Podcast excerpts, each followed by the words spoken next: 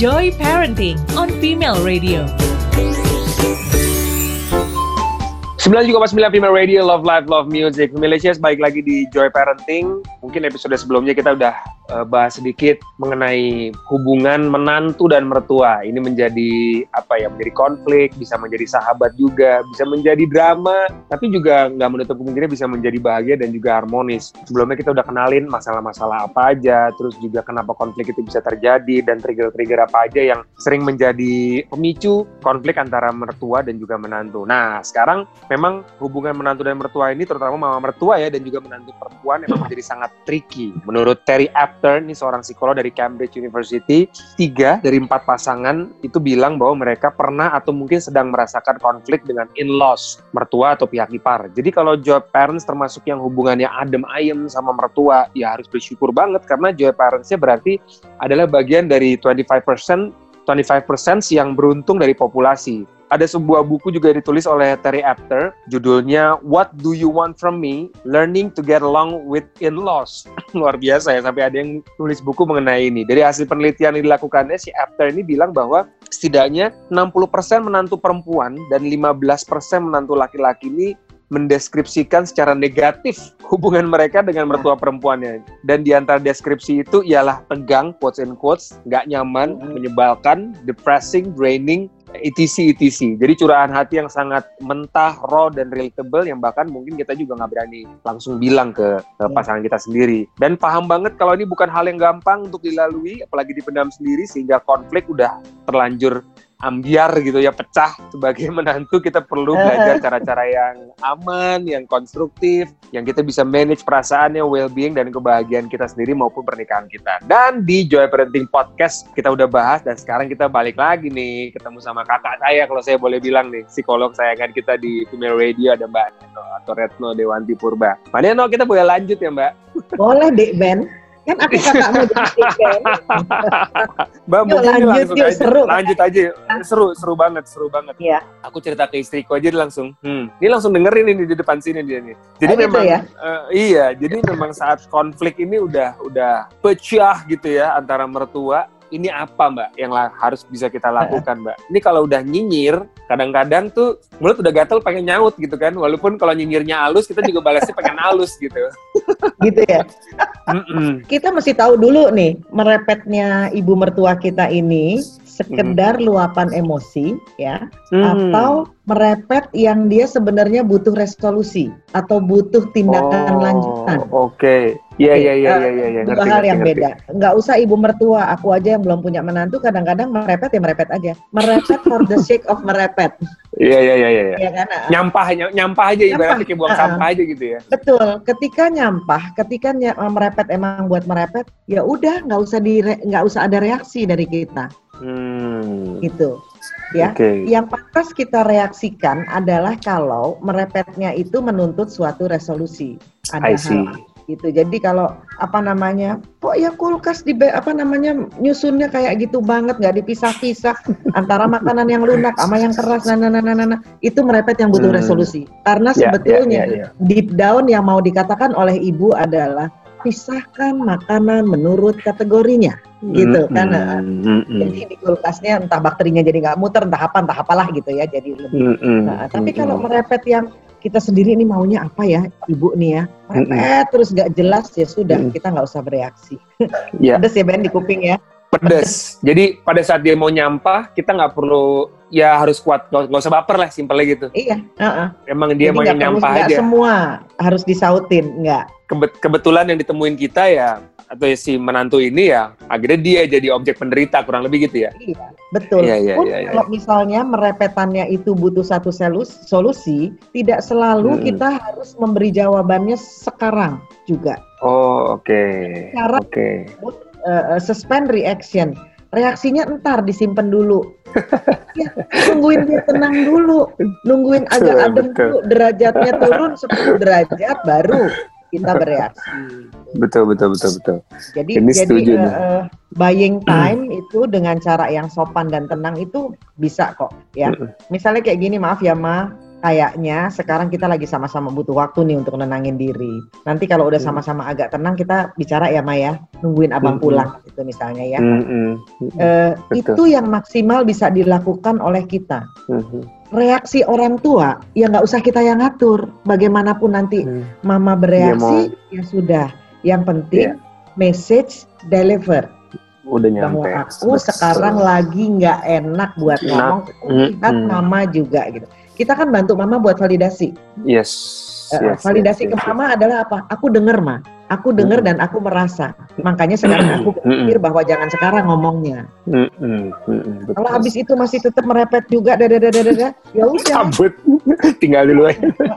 jangan disautin lagi gitu. Iya, Jadi yeah, yeah, yeah. boundaries itu, itu kan tadi bikin boundaries sebetulnya bisa ditegakkan dengan cara yang santun. Kritik tadi ya, jangan dibawa baper ya Ben. Itu setuju yeah. banget setuju sekaligus uh, dengan gampang dibalikin ke aku ya kali Mbak Neno ini mulut rasanya udah pengen pengen bales banget Betul. gitu. Tapi tapi kalau sudah bisa melakukan itu kayaknya ibaratnya nih kalau di atasnya tadi kalau tadi kan mah kita lagi dalam keadaan tidak uh, apa namanya uh, kondusif untuk ngomong tapi kalau uh -huh. mau di level dewa, level sabar yang level dewa, di atasnya lagi bisa sambil muji. Iya mah, makasih nasehatnya. Nanti kita iya. coba selesaikan ya. Itu itu di levelnya beda lagi tuh. Uh. Walaupun di dalam sih kayak, pengen jadi ah, gitu. iya. Uh, artinya uh, uh, kita harus tetap ingat juga posisi kita anak. Ada hal-hal yeah. seperti itu yang yang yang ada di situ gitu loh bahwa ada ada hmm. ada leveling, ada posisi, ada peran yang beda gitu. Jangan yang kayak begitu disingkirin semua gitu. Jadi kita sama mama rasanya berhadapan person to person gitu ya. Enggak, enggak gitu. Mesti hmm. mesti kita pikirin lengkap-lengkap. Susah, iya iyalah pasti yeah. susah tapi kalau kita berlatih, ngambil jarak, sebenarnya yang latih yang dilatih itu adalah kita ngambil jarak dengan ego kita sendiri. Oh, kita tidak entertain okay. kemarahan kita, kita nggak yeah, yeah, yeah, tidak yeah, yeah, memanjakan yeah, yeah. hati kita, pikiran kita dengan kemarahan-kemarahan kita. Iya, betul. Ambil jarak. Paling enak hmm. kalau lagi konflik itu kita punya kemampuan untuk berdiri di pinggir sehingga hmm. kita bisa lihat posisi kita dalam lihat. pertempuran itu gimana. Tidak berarti bisa nyautin itu memenangkan pertempuran, malah kadang-kadang memperburuk dan yang kalah dua-duanya berarti gitu. Kadang-kadang kan kita bilang, ya gue bilang aja mertua gue, gue balas aja gitu. Seakan-akan dia iya merasa bahwa posisi gue nggak tergoyahkan nih sama mertua gue gitu padahal ternyata malah jadi tambah buruk kan sebenarnya hubungannya karena yang Betul. yang yang mengalami kekalahan ya satu semuanya gitu Satu. gitu ya. Uh, ya contohnya gini uh, anak itu adalah anak itu kan perhiasan kita ya dan ya. anak itu adalah salah satu tolok ukur keberhasilan orang tua jadi hmm. waktu anak kita yang masih 2-3 tahun itu sedang tumbuh berkembang atas dasar suami sama istri udah ngomong ini kita mau ngasuh anak gimana-gimana dan ada orang lain komplain atau atau bukan komplain sih tapi komentar yang nggak yeah. enak. oh itu langsung hujam pasti dus uh, gitu kan rasanya benar-benar. Mm -hmm. Anda memasuki teritori saya gitu kan. Yeah, yeah, yeah. Jadi kayak gitu. Lebih baik kalau menurutku daripada kita bereaksi dengan cara seperti itu, kita punya cara lain untuk sort out faktanya. Kita lihat aja, anak kita udah bisa makan, udah. Anak kita udah bisa toilet trainingnya beres, beres. Anak kita yeah. kalau ada orang tua datang salim, salim gitu. Hmm. Kita fokus ke situ. Yeah, yeah, iya. Bukan yeah. berarti tidak menganggap bahwa masukan dari orang tua nggak valid gitu. Tapi hmm. ada hal-hal yang kita udah berhasil. Yeah gitu. Jadi energinya yeah. kebagi gitu loh Ben, nggak semuanya. Iya yeah, iya. Yeah. Kita orang tua muda yang pandai, kita tahu bahwa anak punya kurva pertumbuhannya sendiri-sendiri, ya kita pakai itu sebagai patokan. Yes. Yang di yang yang di dimarahin mama apa sih? Anak makannya berantakan gitu kan. Kita lihat hmm. di kurvanya lah, iya anak 2 tahun 3 tahun oh, makan pasti berantakan. berantakan. Jadi yeah, makan yeah. berantakan bukan masuk KPI kita. Jadi kalau diprotes bukan. orang kita nggak mikir. Nggak gitu. mikirin, betul. Nah, yang penting anak uh, dia sudah bisa makan sendiri. Betul, betul, patokan. betul, betul. Hmm, Patokannya sendiri, plafonnya sendiri. Oke, okay. tadi yeah. sebelumnya kita sempat sebut juga tuh menang dan kalah. Is it possible Mbak win-win dalam konflik dengan tua? Apakah itu mungkin? Gimana caranya supaya menang dan menang? Kalau aku sih eh, nggak uh, ada yang nggak mungkin ya, nggak ada yang hmm. nggak mungkin. Walaupun hmm. sering kali win-winnya itu delayed banget gitu ya. Banyak pasangan-pasangan win-winnya itu ketika udah pada umur 40-an.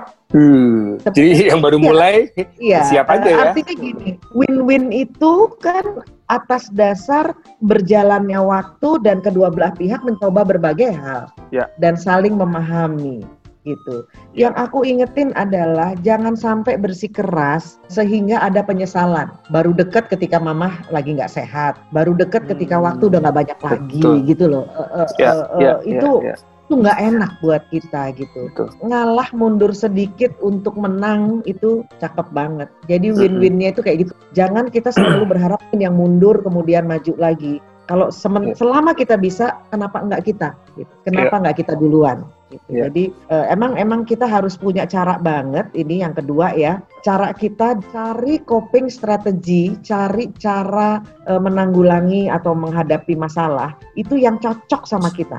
Tiap orang punya cara yang beda, ya. Mm. Apa pun cari yang cocok ada orang yang memang uh, caranya dia harus run away from problems dulu untuk jangka hmm. waktu di situ balik dalam kondisi yang lebih tenang. Ada yeah, yang yeah, fight yeah, yeah. fight fight dia Langsung. jeder dia dur dur dur dur gitu kan uh, uh, macem-macem hmm. dan kita nggak bisa bilang bahwa caranya Ben salah caraku benar atau sebaliknya. Hmm. Yang ada adalah hmm. Ben cocok dengan cara itu gitu. Nah yeah. makanya cara-cara seperti uh, distraksi lagi marah tadi telepon sama sama orang tua nggak enak kemudian ngadu ke suami tambah nggak enak karena kok rasanya gue nggak dibela hmm. gitu ya itu kan udah numpuk hmm. banget ada hmm. orang-orang yang pakai cara distraksi kita pindah hmm. di distract dengan kegiatan lain yang lebih menyenangkan apaan yeah. macam ben mau nyanyi kenceng-kenceng di kamar mandi kek mau treadmill 30 menit nggak berhenti berhenti mau berendam air panas, mau teriak ditutupin bantal, nangis, uh, pilihlah gitu. Boleh, hmm. bisa gitu. Kalau memang hmm. itu turunin tensi dulu. Bukan buat nyelesain masalah ya. Masalah nggak kelar dengan nangis dan nutupin muka pakai bantal. Percaya sama aku. iya, benar, nah benar. yang ketiga kita cari orang yang bisa kita tumpahkan semua sampah-sampah yang ada di hati. Orang ya, bukan orang banyak. orang dan bukan sosmed ya. Nah, ya bukan itu, itu lagi. Lebih buruk. Nah, cari satu dua orang BFF, bisa BFF, bisa tante, bisa om yang deket banget untuk venting emosi kita, untuk ngeluarin emosi yeah. kita. Jangan yeah. pas lagi arisan orangnya 20 kita ngomongin mertua kita enggak banget. Ingat ya nanti kita bisa malu ketika hubungan kita tuh udah baik sama mertua terus temennya bilang eh lo dulu deh gitu. Dulu kayak gitu.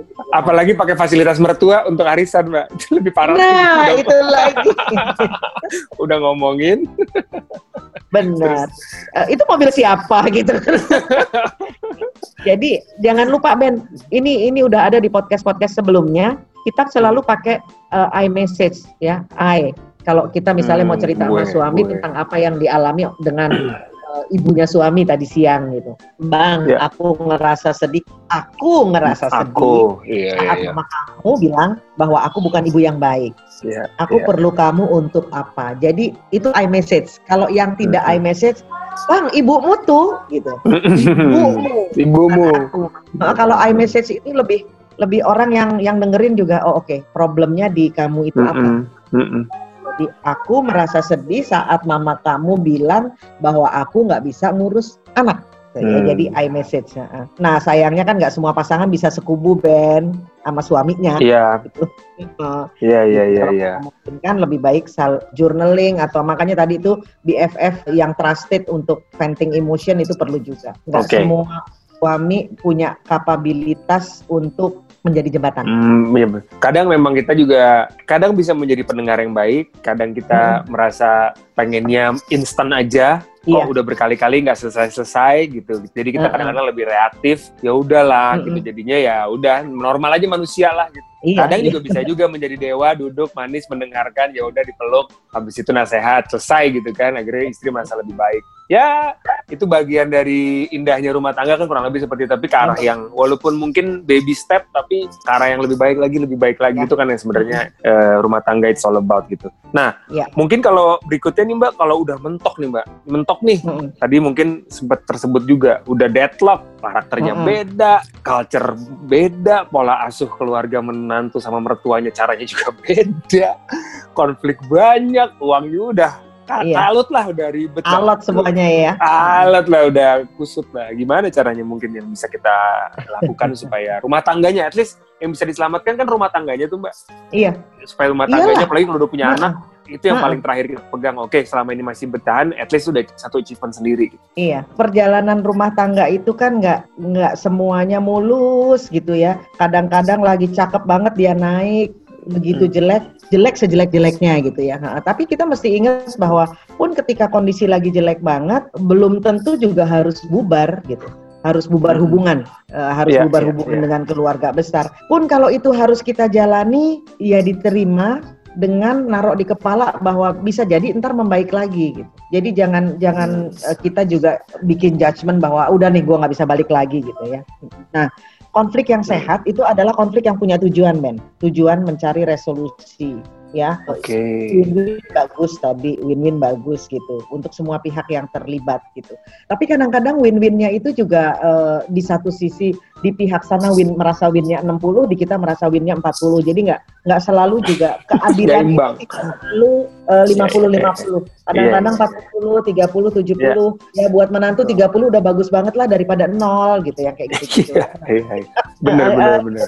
Punya punya harus mikirnya ke situ. Jangan mau menang-menang atau ancurnya juga sama-sama ancur enggak. Pasti mm-hmm. pasti ada ada apa ya uh, ada timpang sedikit lah gitu kan. Namanya orang kita bicara soal orang tua lah. Namanya orang tua kita nggak mm-hmm, bisa. bener ada timpang dikit lah mm-hmm. gitu. Terus kalau gimana ya caranya kalau udah udah mentok banget gitu? Satu yang menurutku aset yang luar biasa adalah pasangan. Nggak bisa enggak Ben pasangan lah kan kita sudah berikrar untuk bareng gitu. Makanya yeah, nomor yeah. satu yang harus kita nengok itu ke pasangan dulu. Nah supaya hmm. pasangan bisa jadi jembatan yang enak, bisa dia meluk kitanya juga enak. Kalau lagi ada konflik, tunjukkan bahwa loyalty kita itu ke pasangan hmm. itu gede. Ini si menantu nih ya. Ini kita bicara soal si menantu, menantu nih. Iya, okay. jadi uh, aku menantunya. Jadi loyaltinya aku tunjukin bahwa aku loyal ke kamu sehingga sebagai balikannya hmm. si abang juga akan loyal ke harapannya juga begitu harus menghilangkan loyalty si abang ke ibunya nggak enggak enggak itu another loyalty itu beda lagi beda yes. uh -uh. jangan disamakan nggak perlu nggak bisa langsung bilang bahwa jadi kamu lebih milih mama kamu daripada aku ya iya. antara iya dan tidak ya pasti iya karena ibu iya. gue tapi uh -uh. tidak sepenuhnya betul gitu kan betul yeah. makanya uh, uh, aku selalu terngiang-ngiang dengan dengan uh, perkataan itu. Sayangku, jangan kau membuat aku ber, memilih antara dirimu yeah. atau ibuku gitu. Itu yeah, yeah. buat siapa pun, berat. buat istri juga berat. Semua berat. Jadi itu di, dipasang di di, di di telinga ya. Jadi jaga hmm. kekompakan dengan pasangan seberapapun ya. Kemudian kita juga yeah. memper, mempertimbangkan konteksnya. Tadi yang kita ngomong di sesi sebelumnya ketika kita ngomong soal stereotip bahwa perbedaan yes. antar etnis itu ada. Bener nggak? Hmm. Bener Ya, hmm. misalnya cara yang paling gampang. Kalau kita hadir ke keluarga Sumatera, ke keluarga Minang, gitu ya, ke keluarga hmm. Batak, datang ke rumahnya, kita akan dipaksa untuk makan. iya. Iya, kan? Iya, iya, Ayo iya. Betul, betul, betul. Saya sudah makan Namboru, saya sudah makan Ngaci, gitu. Tapi harus makan. Karena apa? Iya, iya, iya. Memberikan makan kepada tamu adalah bentuk penghormatan besar. Betul. Iya, iya, iya, iya, iya. Ya. Orang Sumatera, orang Jawa lain lagi. Maksa hmm. terus kita, ayo loh jeng makan, makan, makan. Yang akan dirasain oleh tamu adalah, kok lo maksa banget sih? Gitu. I, uh, iya, kita iya, terganggu iya. boundaries kita. Personal space kita terganggu karena kan aku tadi sudah bilang dengan sopan bahwa Iya, saya sudah makan. Hmm. Hmm. Kadang mungkin bisa nggak sulit iya. juga sebenarnya, walaupun kita udah lapar nih. Sebelum ditawarin kita udah, wih makanan nih. Kalau aku biasanya ya pers-pers ya. begitu tuh penting banget karena emang orang Sumatera emang kesamaan juga. Aku di aku diketawain istriku langsung tuh, langsung diketawain istriku. Kalau gue emang lapar. Bener nggak? Apa? Ah. Eh, tapi aku emang lapar beneran aku makan kan. Itu nyenengin orang tua, betul. Ini enak banget siapa? Siapa yang mak ini siapa yang masak nih? Siapa yang ini? Kita padahal kadang-kadang kita udah makan kan. Tapi kebetulan aku orangnya laparan ya. Itu orang tua jadi ya, itu hal lain itu.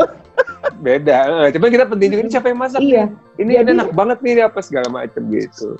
Ya itu penting banget menurut aku sih. Penting banget. Ini Ben. Jadi uh, kita harus paham bahwa normal hmm. di rumah kita, di keluarga kita beda dengan normal di rumah lain. Itu itu yang mesti mesti dipikirin. Kita nggak bisa menyamaratakan bahwa normal di tempatku sama sama normal di sana. Jadinya dengan melihat kacamata normal dari versi keluarga pasangan kita, kita akan lebih mudah jadinya merasionalisi ya. esensi apa yang coba mereka kirim pesan ke kita dengan perilaku perilaku mereka. Ya. Gitu ya, jadinya. Ya. ya. Penting juga berarti ya mungkin penting juga berarti mungkin oke okay, ada mungkin tambahin karena bentar lagi aku langsung mau masuk ke bukan masuk sih ke kesimpulan lah kira-kira apa yang aku dapetin yeah. untuk episode kali ini. So tadi di awal kita bicara mengenai jangan baper, jangan baper tuh dalam arti kalau di itu bentuknya tuh nggak semua omongan itu berbicara tentang kita gitu kan. Uh -uh. Terus kita juga punya standar eh, masing-masing uh, mengenai apa yang paling what's best for our uh, family keluarga kecil hmm. kita gitu kan. Jadi begitu ada yeah. nyinyiran-nyinyiran netizen, kita nggak perlu terlalu kayak apa diambil pusing gitu karena itu penting buat lo, tapi yang penting buat gue tuh yang ini gitu kan. Terus sama tadi sama satu lagi tadi Mbak Neno, Mbak Neno nambahin uh, apa yang penting buat uh, value keluarga lain dan kita tahu apa yang menjadi penting di keluarga lain. Artinya radar kita mengenai hmm. situasi di rumah di keluarganya pasangan kita tuh apa gitu. Itu sense of itu ternyata penting banget kan supaya kita sadar oh ini tuh penting oh ini tuh penting. Jadi kita menempatkan diri gitu kan. Iya. Iya. Ya, betul banget. 100 buat Ben Oke, okay. sebenarnya kalau di ada mau ditambah lagi mungkin Mbak Nino? Aku mau menambahkan uh, beberapa hal sebetulnya kalau kalau memang udah udah buntu banget gitu ya. Nomor hmm. satu kita harus bisa mempraktekkan apa yang disebut healthy selfishness. Okay. Jadi selfish boleh nggak sih? Boleh, asal sehat. Kalau segala cara udah dilakukan untuk mempertahankan uh, boundaries yang kita rasa penting, prinsip-prinsip yang kita jaga, tapi masih aja diriin dan kita merasa bahwa yang kita lakukan baik dan sudah kita validasi ke suami bahwa yang kita lakukan baik, ya udah tutup telinga, hmm. gitu. Okay. Ya, artinya kita sudah sepakat bahwa ada hal yang penting, ada hal yang nggak penting. Ketika yes. semua hal itu udah kita nilai nggak penting ya udah keep doing it. Bahwa ngasih okay. makan anak dan tetap berantakan itu baik, keep doing it. Gitu. Oke. Okay. Ya. Oke. Okay. Kemudian uh, manage implikasi yang muncul bersama pasangan supaya tetap sebisa mungkin tidak menempatkan pasangan pada posisi terjepit. Aku udah bolak-balik bilang jangan bikin suami yes. kita jadi terjepit. Iya. Yeah. Jembatan yeah. itu tidak terjepit yeah. karena dia panjang. Tapi kalau sandwich okay. roti lapis itu terjepit. Mm. Jadi pasangan jadiin jembatan, jangan jadiin sandwich. Jaga okay. jarak aman, ya, jaga jarak hmm. aman. Kalau memang setiap ketemu konflik, setiap ketemu konflik, setiap ketemu konflik, ya udah ketemu eh sebulan sekali udah. aja. Social nah, distancing, ya. Mbak. iya, social distancingnya. in laws distancing. In in in laws distancing. In laws distancing gitu. Terus uh, boleh nggak kita membatasi keterlibatan mertua? Boleh. Lakukan boleh. dengan cara yang santun. Yeah. Gitu. Uh, uh, jadi uh, tetap tadi orek tempenya enak loh mah gitu. Walaupun kurang asin kita akan tetap bilang orek tempenya enak mah gitu ya. Iya, iya, iya. Cara-cara yeah, yeah, yeah. kayak gitu Ben, cara-cara kayak gitu. Yeah. Jadi rules apa pun yang kita punya sebaiknya kita sampaikan secara adil ke mertua dan ke ibu dua-duanya. Hmm. Ya. Yeah. Ini yeah. loh mah, uh, aku sekarang lagi ngajarin toilet training nih ke anakku mah. Aku pakai cara ini. Itu boundaries hmm. sekaligus itu message gitu. Jadi tahu. Oh, oke. Okay. Nah, uh, jadi aku pakai cara itu. Apa paling apa sih yang diomongin anak sekarang kebanyakan googling. Uh, oh, kebanyakan teori gitu kan. Be it, nggak apa-apa gitu. Uh, jadi nggak apa-apa nggak apa-apa jadi ya sudah gitu kan ketidakcocokan pola asuh itu akan akan selalu ada yang penting kita tahu kita mengasuh anak nanti ujungnya akan gimana gitu nah uh, uh, boundaries ini terakhir banget nih boundaries hmm. itu diomongin di depan band itu lebih hmm. enak yeah, ketimbang yeah. boundaries kita bicarakan setelah konflik terjadi Jadi, orang udah keburu masuk udah ada pagar gitu iya, iya, jadi iya, iya, kita iya. harus bilangin itu pagar kita ya gitu. Sehingga orang ketika mau masuk tahu apa assalamualaikum dulu atau nelpon dulu gitu. Tapi kalau kita iya, nggak iya, iya. bilang itu pagar, orang-orang buru masuk baru kita marah lo ngapin pagar gue itu akan lebih cakep Mbak Deno mantap. Pokoknya aku juga sama-sama saling nasihatin sama istri sama teman-teman juga dari Madeno juga. Kalau sama orang tua beda emang kalau di agama tuh yang jadi pahala tuh bukan hanya nurut. Kita nurut tapi hati lagi nggak cocok tapi kita tetap nurut nah pahalanya katanya makin gede. Ntar digantinya kita dapat rezeki yang lain katanya gitu. Triple ya. Triple. Oke mbak Neno terima kasih banyak. Thank you nih kakak kakak Neno kalau aku bilangnya dia mungkin sama Sisi juga senang banget kita sering bicarain masalah ini juga. Uh, mudah-mudahan uh, yang dengerin dapat sesuatu buat yang udah nikah, mungkin juga mungkin punya masalah yang sama atau mungkin yang baru saja berencanakan untuk menikah karena ini menjadi sangat penting untuk ya keharmonisan, untuk kelangsungan dan juga kebahagiaan dalam keluarga. Thank you Mbak Neno ngobrol-ngobrol hari ini dan untuk yeah. Milesius yang mau dengerin Joy Parenting, potongan-potongannya bisa didengerin di Happy Morning Justice. Terus juga kalau mau denger versi komplitnya bisa ngikutin di mobile application Happy Radio atau mungkin langsung aja masuk di podcastnya Joy Parenting di Spotify. Searchnya udah pasti Joy Parenting. Thank you untuk hari ini. Kita ketemu lagi di episode podcast Joy Parenting berikutnya. Mbak thank you ya. Saya sih skripnya bagus, bagus banget. Sharp, tajam, terus relevan banget sama ini, sama orang. Buat Fajar juga, thank you semuanya. Joy Parenting on Female Radio. Inspirasi anak Indonesia gemilang. Dengarkan versi lengkapnya di mobile apps Female Radio atau search Joy Parenting di Spotify Podcast Female Radio.